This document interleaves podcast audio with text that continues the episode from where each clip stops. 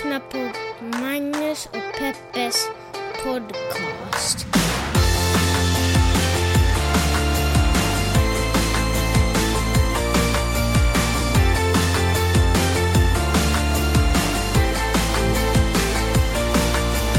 Hallå internet och hjärtligt välkomna hoppas jag att ni känner er till Magnus och Chefes podcast. Eh, Det här är en podcast där vi tittar på de stora och små händelserna i världen så pratar vi om dem ur ett journalistiskt mediegranskande och huvudsakligen ett feministiskt perspektiv. Ehm, hur är läget Peppe? Tack, det är bra Det Magnus. känns som att vi gör poddar hela tiden. Men Vi gör ju det. Varje dag, all day, every day. Och när du inte pratar in poddar klipper du poddar. Ja, precis. Eh, Vilken är din favoritpodd att klippa? eh, det är... Det är nog mellan raderna. Nytt avsnitt kom ut idag. Ja, mellan raderna för er som absolut inte vet, som typ har levt bakom en sten det senaste decenniet, är ju din Peppe och eh, Karin Gides bokpodd. Där ni pratar om böcker som av en händelse. Fast ni har börjat köra över det till en lite så här bok slash lifestyle-podd. Vilket är en sjukt rolig kombo. Kände jag oss faktiskt som Hanna och Amanda i Fredagspodden, för vi satt och talade om att gråta och satt och snyftade lite i det senaste avsnittet. Ja, just det. Det var någonting ni sa i den där... eh, Det var någonting ni sa i den där bokpodden som, eh, som fick mig att tänka på Hanna och Amanda. Men nu kommer jag inte ihåg vad det var. Men kanske om ni lyssnar på det senaste avsnittet så får ni också samma association och bara åh, Hanna och Amanda. Ja, skitsamma. Peppe! Vad ska vi snacka om den här veckan? Blir det bra? Det blir bra. Mm, kul. Vill du börja? Ja, vi har fått ett lyssnarbrev. Ah, Vi har fått ett brev av eh, Sara som för övrigt gör podcasten Tur och retur som handlar om resor. Superbra podd. I alla fall, Sara skriver så här. Lyssna just på senaste avsnittet av Magnus och Peppes podcast, det är alltså nummer 196, och tänkte ge mina cents i frågan om ätstörning light. Jag vet att ni kanske blir lite oense främst för att ni tolkade frågeställningen lite olika just det här fallet, men jag förstår exakt vad Magnus säger. Men jag tänkte ge bifall till Peppes tankefigur. Jag är också helt säker på att vi kvinnor i större utsträckning, i större utsträckning är fixerade vad vi äter, när vi äter och hur mycket vi äter. Och detta på grund av att vi traditionellt bedöms mer efter hur vi ser ut än efter våra gärningar. Nog för att det här är ett problem som sakta men säkert kryper över även till män. Vi lever i en tid där hälsa, inom stationstecken, är en ny religion för oss alla och kroppen är ett tempel vi bygger för att nå nirvana. Och i tider av kris är kroppen det som lättast går att kontrollera för att försöka få fotfäste. Vi har mer utbud av mat än någonsin tidigare, vi sitter mer än någonsin och det är alltid fint att uppnå någonting som är svårt. Så det är klart att det är svårt att hålla vikten då, ergo eftersträvansvärt i vårt västerländska samhälle.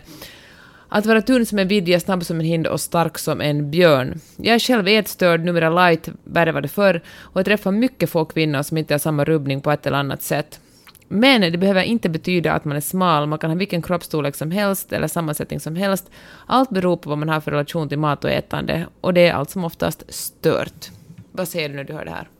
ja, alltså hon bekräftar... Jag vill ju först poängtera att hon bekräftar att jag hade rätt i det jag sa. Och så vill Som jag... vad?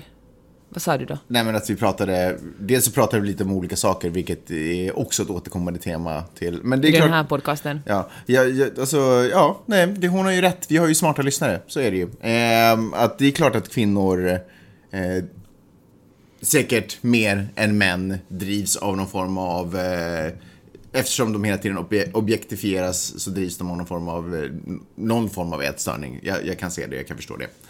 Jag tycker inte att det nödvändigtvis var bara det vi pratade om, men eh, det här brevet påminner mig ju faktiskt om eh, ett problem som du och jag har. Eller egentligen ett problem som du har. Eller eftersom du har problemet så har ju jag då också, i egenskap av din man, det problemet. Ja. Och det är att när vi pratar om till exempel saker som, eh, som i det här fallet då, ätstörning och människor som försöker ha kontroll över sin vikt och relationen som människor har till mat överhuvudtaget och problemen runt där. Eh, så, och precis som ofta när vi pratar om saker så vill du, så tar du gärna en feministisk eh, approach till problematiken och gör om ibland problemet till ett feministiskt problem. Och ibland är, jag menar det mesta på jorden går ju att göra om till När man en gång har satt på sig feministglasögonen så kan man inte ta av dem. Nej men det stämmer i och för sig. Och det är ju, ing, det är ju, inte, så, det är ju ingenting som skymmer. Jag tycker man ser klarare med de här glasögonen istället för att se grumligare. Det som du nu försöker säga, att man sätter på sig ett par feministglasögon och på något sätt eh, det gör att man inte ser allt annat. Tvärtom så ser man tydligare. Det handlar, det, I det här fallet handlar det inte om att se, i det här fallet handlar det de facto om att höra och uppfatta. Därför att när man är otroligt insatt och påläst i någonting så tenderar man, läs du, att redan förutspå och förutse motargument du ska få. Och det betyder att du nästan inte ens lyssnar på vad det är jag säger. För att du tror att jag redan kommer säga någonting som du redan har svaret på. Så du sitter bara och väntar på att jag ska prata klart så att du kan få säga det du vill säga. Som har med feminism att göra. I det här fallet så försökte jag ju prata om eh, problemet med att ta sig ur en ätstörning Därför att vi alla har en relation till mat, till skillnad från till exempel att ta sig ur en, ett nikotinberoende där man i princip kan sluta. Medan du valde att hela tiden prata om, eller du till och med gjorde dig själv till ett offer och ville prata om att du har en ätstörning light. Vilket inte riktigt var det som allting handlade om från början, kan jag känna. Men jag vill, jag vill inte skapa dålig filis, jag ville Nej bara... men vänta nu, jag vill... Jag tycker vi kan gå vidare. Vi... Nej, du har, nej, du har inte sagt. Ursäkta nu. Men alltså din poäng var att, men det är ju två, det är två saker som är ihopkopplade. Det ena ute, du sa ju inte liksom den ena sidan och jag sa den andra sidan. Du sa bara, du tycker att eftersom, eh, vilket ju är sant, det är väl ingen ny sanning, att vi måste äta för att leva och därför är det svårt att bli av med en ätstörning. Nej, men det eftersom nya man hela sanningen- tiden måste ha en relation, nu avbryter du mig, att eftersom man hela tiden måste ha en en, en konstant relation till mat för att överhuvudtaget överleva. Ja, men Det, är- det kanske är nytt. Därför att det är så väldigt lätt att till exempel eh, vara den sortens människa som ser en annan människa som är överviktig och vara såhär, oh, ah, men det är väl bara att gå ut och springa och bara gå ut och jogga så får du problem med det. Eller så, så löser du problemen. Eh, precis som man avfärdar alla andra problem som man har och det är väl bara att förändra dig själv, det är bara att göra det själv. Problemet är att överviktiga hela tiden ser mat. Folk som har en problematisk inställning till mat kan inte komma undan maten. Så sant. Men då fortsatte jag, gick jag vidare på det här, höll med dig, så gick vidare så att jag tror att ätstörning light är vanligare bland kvinnor. Eftersom vi hela tiden påminns om hur våra kroppar borde se ut och att våra kroppar är Fast fel. förstår du det absurda i situationen där man sitter och pratar om människor som har på riktigt problem, kanske hälsoproblem på grund av vikt, undervikt eller övervikt, men hälsoproblem. Och så, så kontrar du med att säga, eller så vill du gå vidare genom att prata att du har en ätstörning light. Nej, det var, är absurt. men fast nu, Sven, nu tycker jag att du vinklar det här väldigt fel. Jag sa att jag kan ta mig själv som exempel. Jag tror att de flesta kvinnor jag känner, mig inklusive, har Mm. någon slags ätstörning light. Jag tror att kvinnor, och det är ju ett enormt problem om kvinnor hela tiden sätter ner enormt mycket tid, tid och, och, eller tankeenergi på att fundera på när de har ätit, liksom känner skuld för att de ätit för mycket eller kanske för lite. Jag menar, det är ju ett jättestort problem. Det är otroligt tråkigt att, att man ska gå och tänka på någonting Mm. men det var ett som- annat problem. hur då? Det var ett annat problem därför att återigen så pratar du om du pratar ju om att mat... Eller... ehm, Förlåt, jag fattar inte. Kan Du du, förklara med vikt- enkla ord på vilket sätt det här är ett annat problem? Det här är en annan Du sak. På pratar- vilket sätt har det här inte med eh, viktminskning och att, och att mat hela tiden befinner sig i vårt liv att göra? Därför att du pratar om aspekten av att bli bedömd och det är ju de facto någonting man faktiskt kan göra någonting åt. Man kan ju Hur bara... då? Man kan Ja. bara bestämma sig för åh nej, jag tänker Ja, men inte bli princip, påverkad ja, av men samhället. precis som nikotinberoende så säger jag inte att det är en lätt process, men i princip så är du ju inte beroende av den bedömningen för din överlevnad. Men kom då med lösning. Men vad skönt! men om Tack Magnus, vad skönt att du sa. Man ska alltså bara inte bry sig Nej. om att samhället vill att man ska vara smal. Men nu vill du, nu gör du igen. Herregud, så vi är dumma i Nu huvudet. gör du igen den här grejen att du redan har valt, du har redan bestämt dig för men- din inriktning och inte, intress, inte, är Men inte förkla- intresserad. Okej, förlåt jag avbryter. Förklara, hur ska kvinnor göra då? Som Nej, men inte, nej, men det här, jag pratar inte om hur kvinnor ska göra. Jag pratar om våra två olika... När vi pratar om det här ämnet så pratade vi om det ur två olika... Från två olika synvinklar. Och jag tyckte det kändes konstigt. Jag bara säger det. Jag tyckte det kändes konstigt att vi gick till att prata om människor som upplever hälsoproblem till att du ville diskutera hur hur du har en ätstörning på grund av att Fast du blir säger du- på grund av att du Usch blir vad fult att du säger sådär att på grund av att du blir objektifierad. Men varför Ja, tar det du om mig? inte. Jag För talar du tog upp dig själv. Nej, jag sa som exempel, jag, och för nu för tredje gången bara den här podden, jag sa det också i förra podden, att jag tror att alla, de 90% av alla kvinnor jag känner har någon slags ätstörning light för att vi påverkas så mycket av att mat inte är neutralt för oss. Mm. Ja, men... Eller att objektifieringen inte är neutral för er. Nej, jag sa att orsaken är att vi, tiden blir påverka, vi blir hela tiden informerade om hur vi ska vara. Hur ni ska att, se ut. Och hur vi Ja. ska äta för att, för att se ut på rätt sätt. Mm. Vad vi ska äta, vad vi inte ska äta. Och jag tror det att därför har jättemånga... Det är ändå liksom hälften av alla människor är kvinnor. Jag tror att därför har fler kvinnor än män en störd uppfattning, eller en störd relation till mat. Mm. Fast om man till exempel tittar i det här amerikanska samhället så är ju inte kvinnor liksom överrepresenterade bland överviktiga till exempel, extremt överviktiga. Det är ju ganska jämnt fördelat.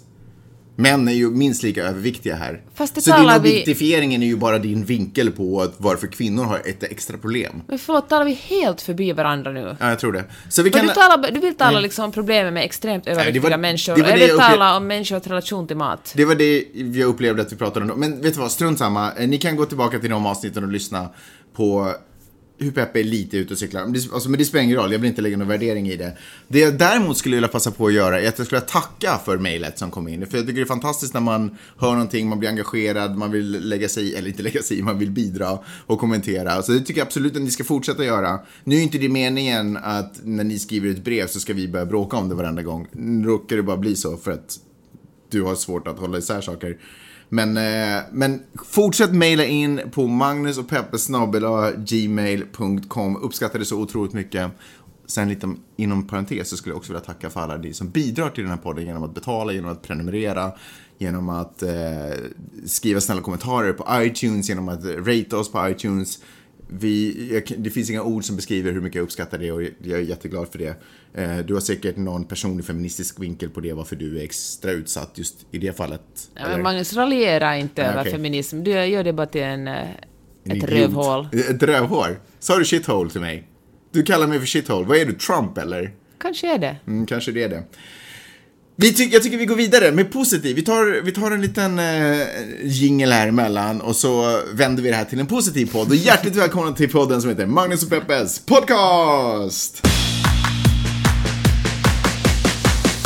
Hej! Har du frågor och kommentarer så kan du mejla min mamma och pappa på Magnus gmail.com. Gör det!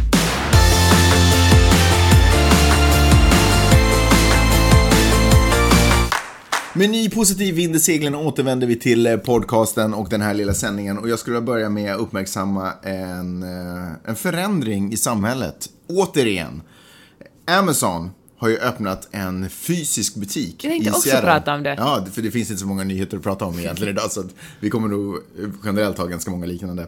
Eh, Men Amazon öppnar en ny fysisk butik. Det här är en av många som de har planerat att öppna. Den här är i Seattle. Den heter Amazon Go. Tanken är att man går in i butiken, tar sin grej, alltså ni vet sådär som man alltid har gjort egentligen. Man går in i en butik och väljer det man vill ha, sätter det i en korg, Alltså ni förstår hur betalar för det. Alltså de flesta av oss går ju fortfarande till butiker och köper saker och ting, men Amazon har kommit så långt i sin liksom, i sitt varv, så de har liksom redan kommit över den här webbshop-grejen och är liksom, försöker introducera någonting nytt med att, kolla den här nya grejen, här kan man gå in i en butik, de marknads- Klämma på produkterna. Ja, man kan, och så kan man ta sin grej. Vet du vad man också kan göra i den här butiken? Om man har tagit ner en grej från hyllan, gått omkring och tänkt så här, ja men den här ska jag ha, och så går man och tittar på lite andra saker. Och sen så kommer man på att nej, jag vill inte ha den här grejen. Då kan man gå tillbaka till hyllan där man hittar den och lägga tillbaka den grejen. För att sen fortsätta sitt shoppande bland andra varor. Herregud, framtiden. En annan fantastisk grej med den här butiken är att när man väl har plockat de saker man vill ha, kanske lagt dem i en korg eller hur det nu fungerar. Då kan man lämna butiken med de här varorna och således liksom ha dem direkt i handen. Amazon Man behöver is liksom the inte vänta flera future. timmar på att få det. Varför tror du Amazon har gjort det här? Jag, jag, jag kan inte, jag personligen, jag, jag har inget svar. Jag kommer inte kontra med bara nej, nej, nej. Varför tror du? Jag fattar inte. Det är ju superkonstigt. Hallå? Eh, Nej, alltså jag försöker faktiskt tänka på det. Men kanske för att dra ner... eh, Det blev som en av de där, uh, har, ni, har du sett, uh, vänta vad heter den där, uh, Zootopia? Den där när-. Ja, när- Sengångarna. Sa du slatsen? Det, alltså, det, börja, jag inte, tänker på en annan film. börja inte shamea här nu. Uh, de här um, sengångarna. Icke att förväxlas med engångarna som är så här superlångsamma. Så blev det nu. Du- Man hörde bara rax, rax, rack i ditt huvud när du försökte tänka ut något. Okej, ja, men förlåt. Men varför, varför tror jag att de gör det här? Tänk om det handlar om eh, att det är ju trots allt billigare för Amazon att ha folk att köra, själva köra till affären, och, för det ska ju vara personallöst. Den ska ju skanna typ Mm. hela dig och säga att det är du. Och sen, sen eh, får du, sen tas pengarna från, automatiskt från ditt Amazon-konto, så du behöver inte ha pengar, du behöver, du, kan, du behöver inte ha någonting med dig när du går in i affären. Att man måste ha pengar på ett konto. Ja, förutom du Undrar har, vad som om annars inte du har händer. Amazon-kredit. Ja, ja förstås. I alla fall. Så jag tänker att, för det är ju otroligt mycket trafik med, det kostar ju Amazon såklart att köra ut en massa grejer hela tiden. Mm. Så jag tänker att kanske det är en, eh, ett sätt för, att, för dem att eh, tjäna ännu mer pengar. Men vadå, Jeff, Jeff Bezos är inte riktigt rik ännu. Tror, tänker de alltså att de kommer börja skära ner på den här webbshop-grejen och börja öka butiker i landet? Fan, jag vet inte, det var bara ett förslag. Får jag bara tillägga, nu kan inte ni riktigt citera mig på det här för att jag är inte helt hundra på faktan, men någonting i den här äh, chocken jag upplevde när jag hörde detta motsvarar ungefär det här jag kommer säga. Eh, jag satt på något sånt här hemligt möte en gång för bara män som får intressant info. Bastuklubben? Nej, det var inte bastuklubben, det här var någon så här, ja men skitsamma. Eh, metal hette det. Ja, vilken fall som helst. Så, och då var en av dem som föreläste där, då, han sa någonting i stil med att det inte har öppnat en ny shopping mall i USA sedan 2000, 2006. Därför att folk helt enkelt har slutat gå till köpcenter och affärer och väljer att istället beställa allting på nätet. Nu vet jag att det är en annan verklighet hemma i Sverige, även fast jag också vet att hemleverans och sånt börjar öka supermycket. Det hör jag om inte annat i mina poddar hur de gör reklam för företag som erbjuder hemkörning. Skitsamma. Eh, så, men- alltså, det har inte öppnat en ny shopping mall i USA sedan 2006 och nu helt plötsligt så väljer Amazon att gör, öppna, äh, inte en shopping mall men ändå en butik. Jag får inte ihop det i mitt huvud. I don't get it. De är sena i starten, eller inte, de är ju tidigt ute. Eller, vänta. Eller är de Är de jävligt sent ute? Nu fattar jag inte alls egentligen hur jag ska prata om det här. Ehm, eller så vill de bara styla med teknik, visa att de är liksom ett, ett Mm, är faktiskt företag som möjlighet. liksom du vet, de kan offra ett litet skyltfönster för att visa hur eh, progressiva de är och hur de är i framkant och spjutspetsen av teknik. För precis som du sa så behöver man inte ha någonting annat än en app Troligtvis behöver man ha någon form av likvida medel någonstans i världen. Men i princip så behöver man ha en app för att komma in i den här butiken. Och sen så läser butiken av med hjälp av kameror och skannrar och målsökande missiler och små robotar stora som kackerlackor och, och löss. Så läser de av vilka varor du tar ner från hyllorna, när du lägger tillbaka en specifik vara, hur du rör dig och, och sådär. Och sen så kan du bara, om du vill ha någonting så tar du varan och så går du egentligen bara ut. Det är ju lite dystopivarning ändå. Hur, hur då menar du? Lite Big Brother. Fast det är ju the future. Att stå i kassa är ju så 1980. Men det är också samma land som håller på, man fortfarande betalar hyra med check. Är liksom... Nu menar jag inte att man tar en tjeckisk person och alltid måste betala, ingen... Men herregud, vad är det för stand-up avsnitt? Superdåligt dessutom. Jag ber om ursäkt för det. Nej men i alla fall. ehm, så det, eh, några mer kommentarer på Amazons eh, framtidsbutik? Jag tror att... eh, ja, men de... Nej, fan, jag, jag är lika förbryllad som du. Jag vet, jag har ingenting att säga. Att betala med check, det skulle kunna vara en verklighet om nazisterna vann.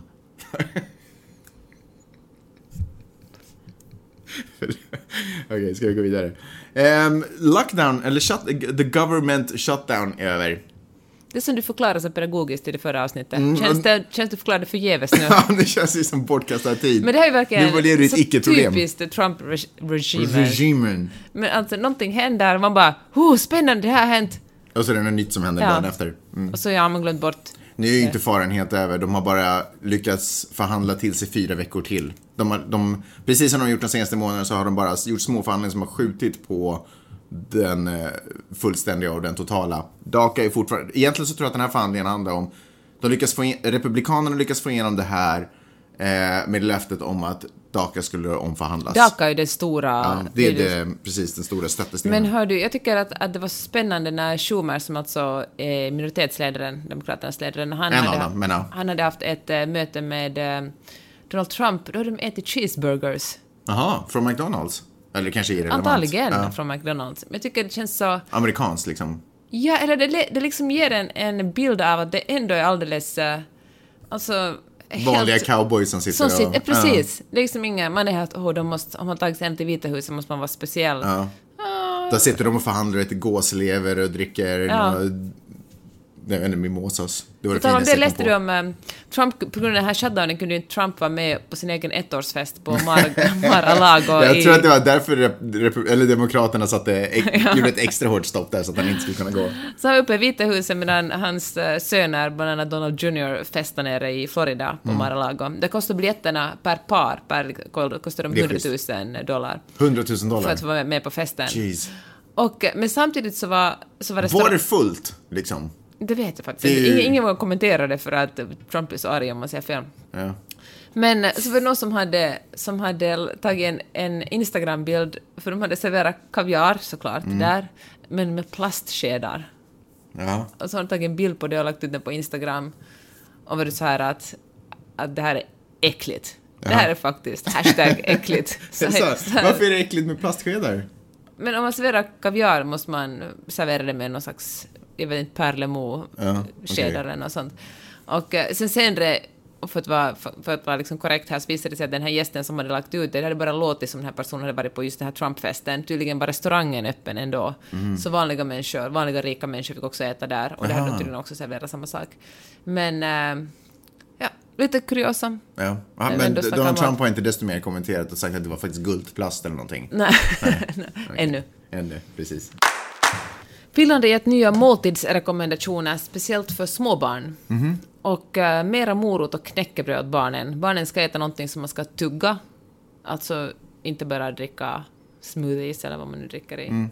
I Finland. i Finland. Och, eh, och eh, de ska äta mindre kött och mera grönsaker. Jaha. Och det låter ju superbra. Mm. Förutom om man läser kommentarsfältet på Hufvudstadsbladet. Okej. Det är ju folk otroligt folk, ar- folk arga för att, jaha, ska jag måste ge mitt barn morötter nu? Ja, exakt. Och äta mindre kött. Ingen, man vet. Så, Jaha, är det mindre kött som Ja. eh, stör folk? Ja, det förstås. stör det mest. Man räkna ut. Men eh, jag tycker det är... Jag vet, det är på ett sätt rörande att folk engagerar sig så mycket i sånt här.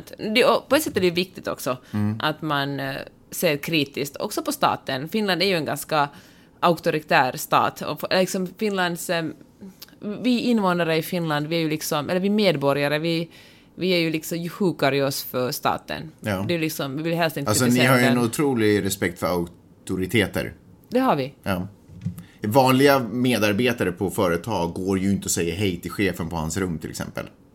Eller hens rum. Varifrån kom den informationen? Det kom från eh, mina egna Att du en upplevelser. gång jobbat på YLE? Ja, nej, men alltså, Och du gick aldrig in till Alex Fager och sa hej? folk tenderar ju... Jag, jag, jag, jag är svensk. du är jag, bara, jag, är högt, jag jobbar alltid där det är högt i tak. Ja, ja, ja. I, Men det är ju du sa ju det själv.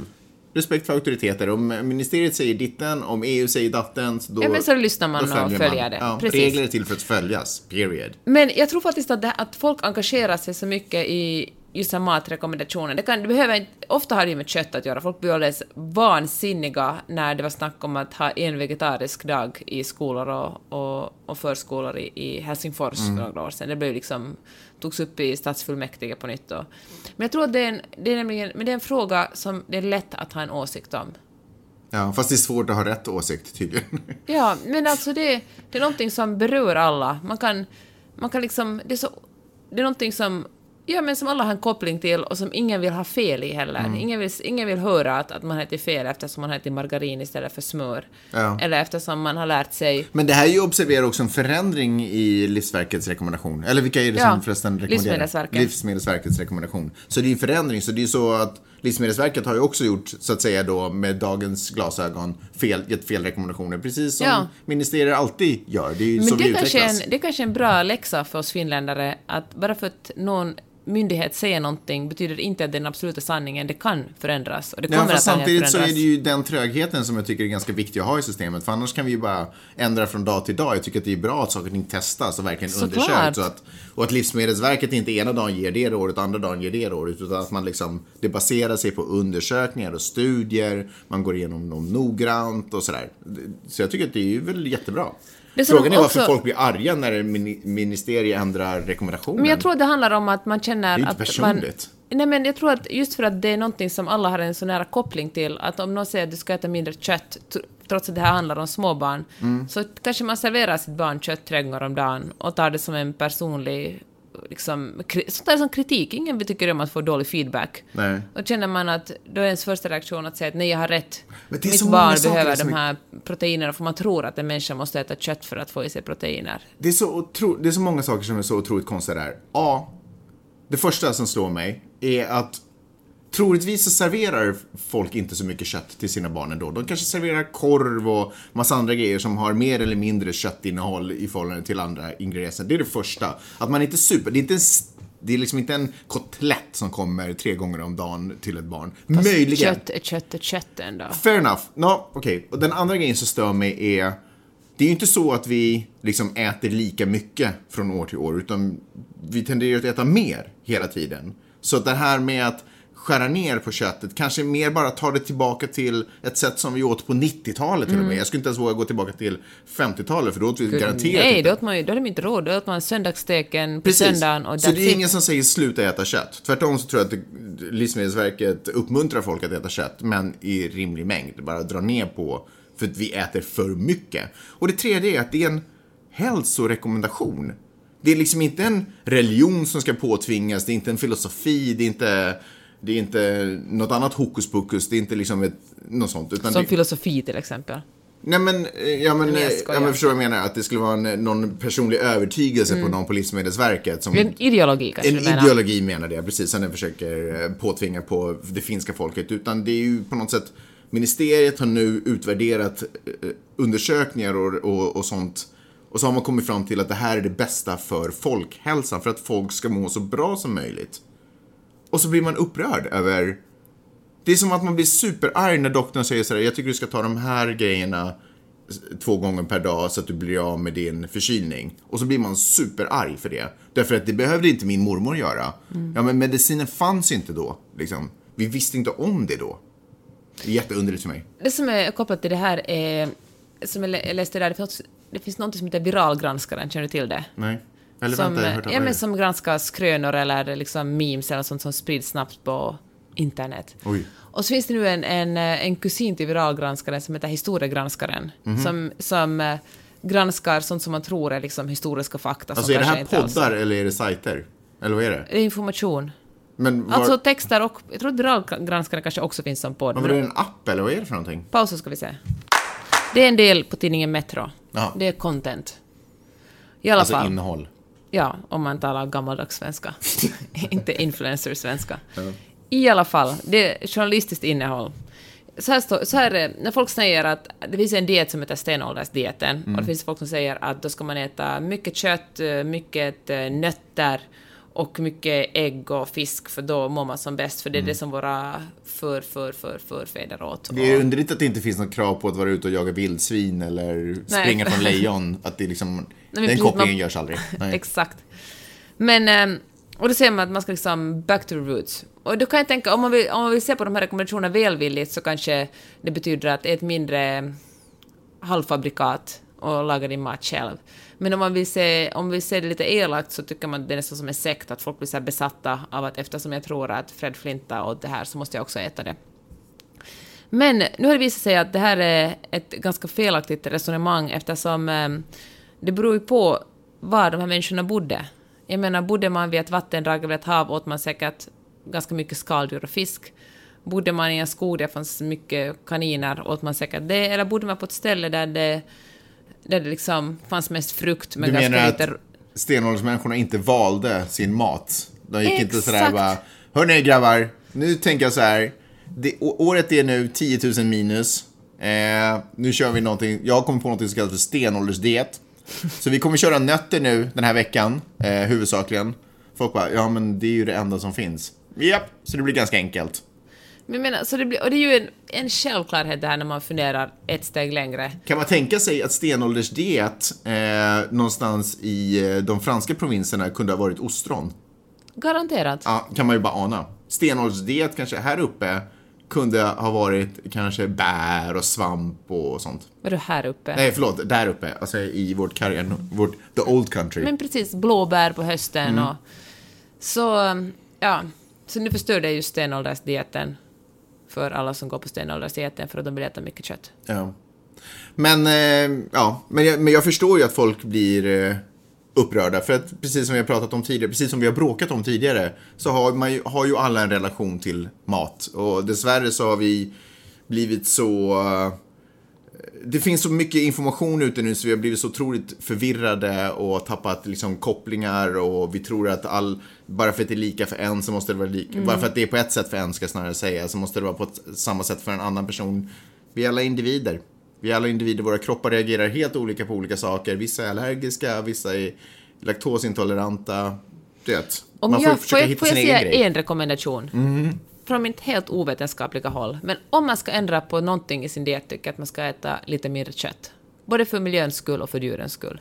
Okej. Och kanske till och med för sin egen skull. Men nu blev jag ju superinspirerad. Nu vill jag också komma med en rekommendation. Okej, Om man ska göra någonting, fint att jag nu kan inspirera dig, Magnus. Mm. om man ska göra någonting så ska man börja kritiskt källgranska. Har du hört talas om Tom Steyer? Nej, vem är det? Han är en kalifornisk miljardär. Eh, han blev rik på att eh, hålla på och deala med värdepapper för ett tag sedan och nu har han bara hur mycket pengar som helst. Han har ju gjort sig känd den senaste tiden för att han eh, profilerar sig som Donald Trumps antagonist, kan man säga. Han driver, han är en privatperson alltså, han driver en av de största kampanjerna för att få Donald Trump avsatt, Jaha. impeached. Och han är också en av de, han är en av de få, eh, vad ska man säga, som ger pengar till demokratiska senatorer och alla som ställer upp i demokratiska val och, och partiet och sådär. Han är en av de som ger liksom mest årligen. Vi snackar tiotals miljoner dollar eh, liksom årligen ungefär. Eh, och han jobbar superhårt just nu på att försöka övertyga demokrater på att få Donald Trump avsatt. Vilket stör demokraterna otroligt mycket. Jaha, varför det? Ja, dels för att... De vill eh, inte bli påverkade eller Jo, men det... nej, men jag, lobbyerade. jag tror att alla älskar att ta emot pengar, men Demokraterna Det tär upplever... på deras integritet. Ja, men just nu så upplever Demokraterna att det inte det politiskt strategiska och smarta vägen att gå just nu. Mm. Speciellt innan vi, innan, de har, innan vi har fått resultaten Från av... kongressvalet. Från, eh, dels kongressvalet, men också, jag ska återkomma till det, varför just det är viktigt. Eh, men innan vi har fått, alla de här undersökningarna med hans connections till ryska, du vet allt det där. Allt som han utreds för liksom. Just nu så satt ju... Alltså Donald Trumps ryska kopplingar. Precis, eller det där under hans, eh, under hans valkampanj, där, vilka kopplingar han har till Ryssland och hur Ryssland har påverkat och sådär. Så det är ju massa, under, det är massa förhör som pågår just nu.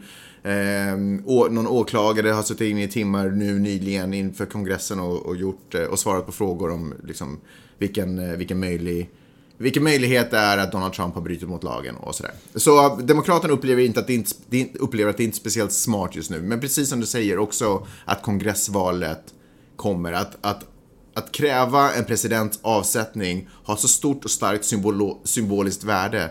Så att om det liksom backfirar så kan det kosta dem Mm. Det är valet. ett högt spel de Ja, spelar. för vanliga personer kanske inte riktigt tycker att, eller du vet, folk tenderar att vara sådär, ge en chans och, Mm. och vi ser hur det går och vi tar det liksom i nästa val. Vi behöver inte sätta skattepengar på att försöka driva en, en häxjakt som det ganska Mm. lätt kan börja skrivas som. Eller eh, så. Och sen är det ju så här att för att en president ska kunna avsättas så krävs en två tredjedelars majoritet Mm. i en röstning. Och med republikanerna i minoritet i kongressen, alltså, nej förlåt, demokraterna i minoritet i kongressen, så har de ju ingen, alltså, Nej. hur, hur i helvete, alltså, det är en uppförsbacke om vi säger så. Då skulle de behöva få övervägande liksom, mängd republikaner att gå med på det här. Och ni vet hur det är med republikaner. De gillar inte förändring om vi säger så. Han skiter i det. Han sitter i personliga samtal med eh, Miss Pelosi som är precis som... vad Nancy. het- ja, vad heter den här? Schumer. Schumer, ja. Nancy Pelosi och hmm, Schumer är ju Demokraternas ledare. De är ju Demokraternas ettor. Så den här uh, miljardären, han sitter i samtal med dem och de är så här, please snälla kan du bara sluta med det här? Han bara, fuck that noise, jag kommer gå min egen väg. Så han har en stab på 200 personer runt omkring i landet som aktivt håller på och försöker ehm, få ungdomar, motivera ungdomar, påverka ungdomar, för det är ju ungdomarna då som genom ungdomarna som man har den största chansen att få demokratiska senatorer och Vad gör han då? Hur då? Köpa reklam i- på TV? Nej, jo. inga ungdomar tittar på TV. Nej, men han gör också det. Han, snart här på amerikansk TV så kommer man kunna se, man har tydligen sett honom tidigare också men vi har ju ingen TV så jag vet ju inte det. Men snart kommer man kunna se honom i en stor kampanj där han kommer börja pusha för att, att budskapet ska vara impeach Donald Trump. Eh, och det är ganska modigt. Det som jag tycker är problematiskt här är att han inte är en politiker. Han är bara en dude med massvis med pengar. Och bara Men det är ju vår president också. Jo, sant. vår. Men bara det faktum att, jo men åtminstone så har han gett sig in i det politiska spelet. Förstår du vad jag Ja. menar? Alltså, Fast den, förlåt, vad det är heter inte den här rätt, det är inte fel, men... Vad, eh, vad heter duden vi snackar om? eh, han heter, ehm, nu har jag bara Trump i huvudet, Tom, Sayer, eh, Tom Steyer. Tom Sawyer? Tom Sawyer, Tom Steyer. Tom Steyer. Um, nej men jag, jag förstår vad du menar, att om man har, skulle det vara en jätterik farbror eh, som, som skulle påverka republikanerna på något sätt, skulle man ju bara säga att nej, nej, nej, så här får Ja. det inte gå till i en demokrati. Pumpar in massa, och det finns ju säkert de också. Men såklart, de här kockbröderna och vad de nu heter. Med K, inte med C. Alltså, penis on your mind, much. Oh my god, vem är det som pratar? Det är ju bara du som pratar just nu. I alla Berätta. fall. Men, ja, så då känner jag också att jag måste vara lite försiktig med... eh, ja, men det, det handlar ju om att påverka politiker genom att ge pengar åt dem. I praktiken. Mm. Ja, absolut. Men, Men det är ju ett ju... F-up system. Ja, men för att säga så är det ju det amerikanska liksom, inom demokratiska administrationstecken systemet är ju så. Det är Mm. mest pengar vinner. Ja. Han hade en liten tanke om för några år sedan att han skulle ställa upp i ett av valen. Vänta, det är många saker jag vill säga nu. Bara det här med eh, huruvida demokrater och icke... Eh, demokrater är, eller förlåt. Eh, de demokrater som ställer upp nu i kongressvalet, huruvida de är, tycker att det är en bra idé eller inte, så kan jag säga att i Kalifornien så är det ändå några eh, av de här som ställer upp. Kongressledamöterna, jag vet inte vad man ska kalla dem för, för de är inte där ännu, men i alla fall. Eh, Vänta är, nu, vad säger du? Alltså folk som vill, som vill komma in i senaten eller i... Ja, men vad väljer för båda? För Ja. huset och för senaten? Ja. Så de som ställer upp i de här eh, valen. I kongressvalet. I kongressvalet, precis. Flera av dem, i, Kal- framförallt i Kalifornien, är ju för att nog börja göra en, alltså när de gör sin, herregud jag tappar orden nu. De tänker under sin kampanj använda impeachment som en, Som av sina, som en av sina liksom, grejer. Eller vallöften Ja, kanske. men precis. Att de kommer vara, eh, stå för det. Bland annat en kvinna som heter Mary Berzee Flores som just nu är en domare som kommer då ställa upp i det här valet och hon kommer också börja droppa tv-reklam här i Kalifornien om att hon, om hon blir vald så kommer hon arbeta för att Donald Trump blir impeached. Vilket är ett högt spel. Och, men de här grejerna tenderar att vara i de här eh, de viktigare staterna. Florida är det också flera demokrater som kommer köra på den linjen. Jag tror att de har liksom, speciellt Florida som Swing state. Ja, men som redan är en republikansk, de har liksom ingenting att förlora. De kan bara köra all in och försöka... Vad, är inte Florida en swing state? Ja, men just nu är den en Ja, republikansk. okej. Så de har ju inte de platserna ändå. Så där... eh, Så Går där man all in för att Precis. man har ingenting att förlora liksom? Exakt, så man försöker jobba på det engagemanget och få folk att brinna och vara arga. Man försöker få de arga rösterna så mycket som möjligt. Mm. Det har ju liksom. kommit enormt många puertoricaner till Florida Mhm. som man nu försöker få att registrera sig för att rösta. Och puertoricaner gillar ju inte Donald Trump speciellt Jag tror att de är lite besvikna för att Donald Trump kanske inte var där för dem. Precis. Ja, nej, men jag tycker att det, det, det är ju, naturligtvis så är det ju, det känns ju fint om man är lite lagd åt vänster, att det på något sätt kliver fram en, en manlig Jeanne och tar svärdet och ställer sig längst fram och säger jag kommer styra er flotta. Samtidigt så tycker jag att 2018 är det inte Jeanne vi behöver utan vi behöver politiska och demokratiska medel och då tycker jag att det är ganska deprimerande och nedslående att vi lever i en värld där det enda anledningen till att vi skulle få en förändring är för att det sitter en människa och pumpar in miljarder i, i det systemet. När det ska bara handla om, ett demokratiskt system borde ju handla om fakta, argument och röst. Att säga vad man tycker och att göra sin röst hörd. Ja, det var, det var det jag hade att säga om det. Donald Trump är ju fullt upptagen med att, eh, jag vet inte om han ens tänker på sådana här saker, om han ens bryr sig om de här grejerna. Nu har ju Turkiet attackerat eh, kurderna, ett folk som USA har svurit att beskydda. Så kanske USA måste gå in i krig med Turkiet istället. Men jag antar att massa länder nu passar på att dra nytta av att Trump inte har någon koll och har helt fullt upp. Så nu börjar... Det kanske är en bra... Eller nu passar väl länder på att rita om kartorna så som de vill göra det. Mike Pence är ju nu nere i Israel, jag vet inte om han kommer tillbaka, men han var där i alla fall igår. Vänta, vem är Mike Pence? Ja, det är Ah, vicepresidenten. vicepresidenten. Och han har ju tydligen under hela sin, mer eller mindre, han är ju väldigt, väldigt eh, troende Mm. kristen. Under hela sin karriär har han eh, jobbat för eh, Israel och för att Jerusalem ska bli huvudstad i Israel. Och han blir ju välkommen med eh, enormt Palmblad. Nej, men mer eller mindre. Mm. För han har ju liksom nu, han har ju nått det han har jobbat för, det han har lovat sina väljare. Trots att det var de som dödade hans, dödade hans Messias. Och, eh, och då tänker jag att det var ett, ex, ett jättebra exempel på folk i Vita huset som passar på. Du sa ju du sa ju att länder nu passar på att göra vad de vill eftersom Donald Trump ändå inte har någon politisk linje. Nej, liksom, men då tänker jag att det, det, i, samma, i samma teori, konspirationsteori kan man ju säga att då passar ju alla andra i Vita huset liksom, På att göra det de vill. Ja, men precis, eftersom Trump inte egentligen har en agenda. En så vision. Bara, ja, eller, ja, precis. Ingen framtidsvision eller agenda, så då kan man ju liksom bara fixa det man behöver få fixat under de här tre åren som är kvar av hans eh, presidentperiod. Vet du vad, han behandlar alla de här situationerna som uppstår som avsnitt i en tv-serie. Att den liksom börjar där och så slutar de och så är det liksom en ny situation som börjar där och Mm. Ja, slutar faktiskt. där. Det finns liksom ingen längre storyline, det är liksom ingen filmkoncept. Det är mera som en Lost, tänker du. Precis. Man improviserar. Ja. Han bara, "Woo, four more years, okej. Ja, exakt. Eh, då tar vi in isbjörnarna. Men det finns ingen tanke om att här börjar filmen och här vill jag att det slutar när jag kliver av och du vet alla är lyckliga i landet och Nej. blommor kastas och de arga i filmen Trolls är goda igen och så. Eh, utan det är hela tiden sådana här små, små avsnitt, avsnitt som bara lämnar en med en cliffhanger. Som man bara förstår att det här kommer ju aldrig ta slut. Och det enda sättet är ju bara sluta följa serien på något sätt. Den serien måste läggas ner, känner jag. Vad känner du? Ja, bra sagt. Tack för det tillverket. Det är presidentkampanjval i Finland. Ja, det är presidentval i Finland. Ja. Skrattar du? Trodde det var ett skämt? Nej, men jag tänkte att du skulle börja prata om att det kommer att vara presidentval i USA snart. Men I alla fall har det varit debatter såklart och på Yles eh, tvåspråkiga debatt så var det bara hälften av presidentkandidaterna som ville säga att de är feminist, feminister. Mhm. Vår nuvarande president sa att han är mänsklig. Och, det betyder ingenting. nej.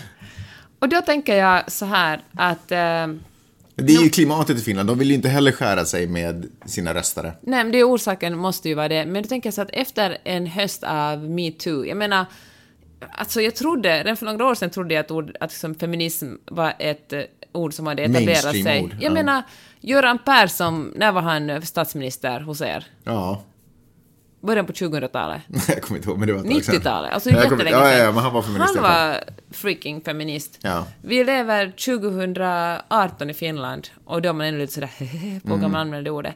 Och fine, jag tycker så här att om man... eh, Om Men det är för att man försöker locka provinsrösterna.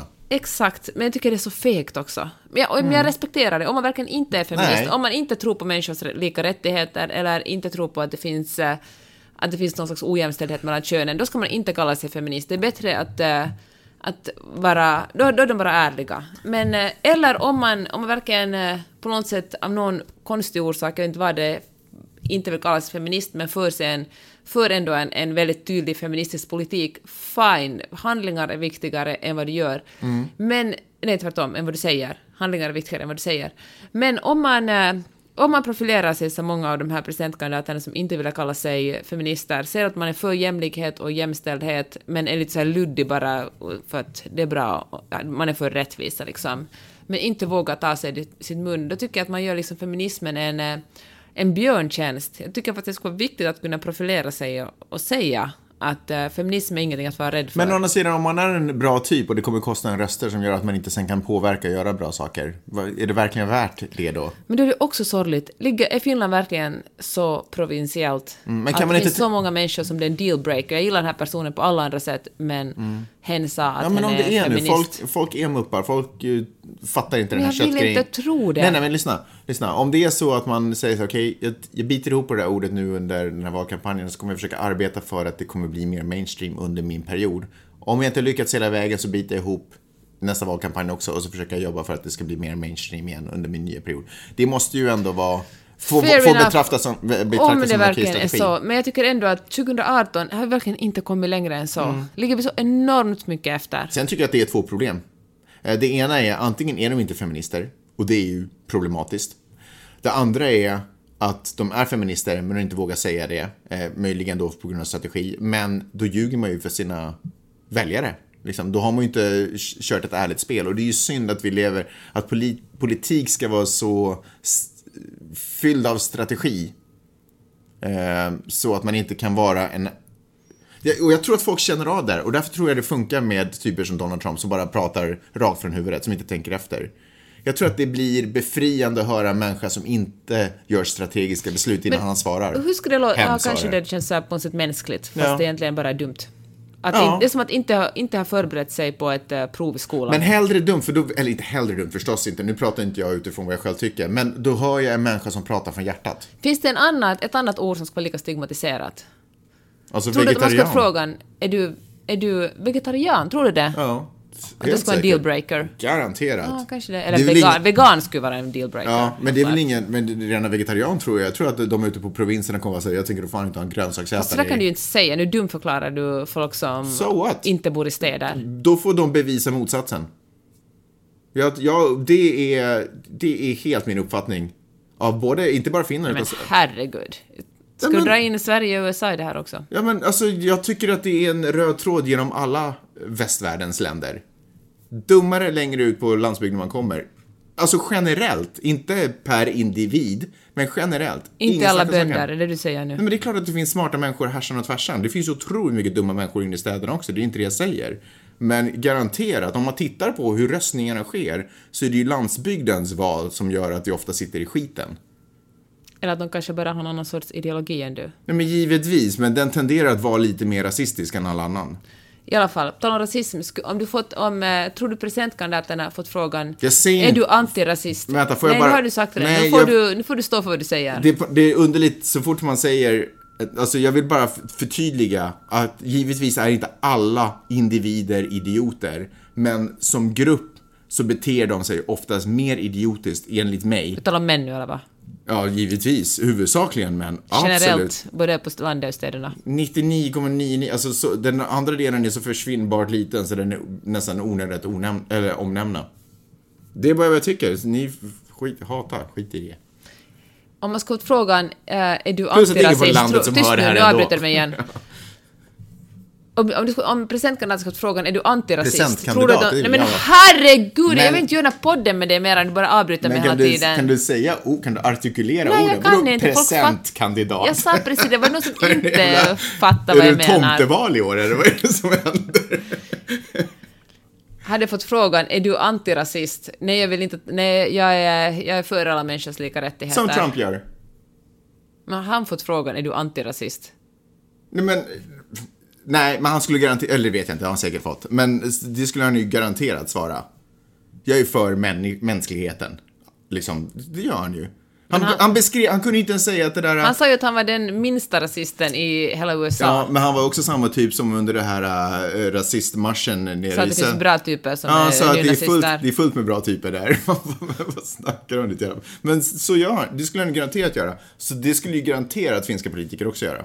Jag tycker att det är väldigt mycket, finns väldigt mycket likhet mellan många finska politiker och det jag hör Alltså du är sån, du tycker att svenska politiker är så jävla bra då? Nej, det finns ju... Men herregud, nu pratar jag... vet Det är inte så jävla dissande av Finland hela tiden i den här podden. Stämmer inte. Finland och Se, landsbygd och Peppe, inte- republikaner och... Peppe, säg inte sådär, för Men- då kommer folk tro att det är så. Det är inte, stämmer inte. Det finns... Eh, Säg någonting du älskar med Finland då. Mina vänner. Nej men det räknas inte. Varför inte då? För de bor i Köpenhamn och... Jag älskar... nej, Jag älskar eh, naturen, jag älskar... Eh, ja, det... Gud vad länge det Nej, Magnus. men det är det jag älskar. Jag kan inte på... Fine, jag älskar inte eh, det asociala beteendet och fine, jag älskar inte att eh, det hela tiden ska eh, deppas över vad man inte har och vägra, och vägra ens för ett ögonblick se vad man har. Jag, fine, jag älskar inte det. So sue me. Det var allt hatande vi hade tid för idag, tror jag. Hörni, eh, den här sommaren kommer vi som alltid att befinna oss i Stockholm och i Yes! Helsingfors. Och Wow! eh, ifall det är någon av er som vill hyra vår lägenhet vet ni vart ni ska mejla. ja, då mejlar Vart ska ni mejla? Magnus och Peppes podcast.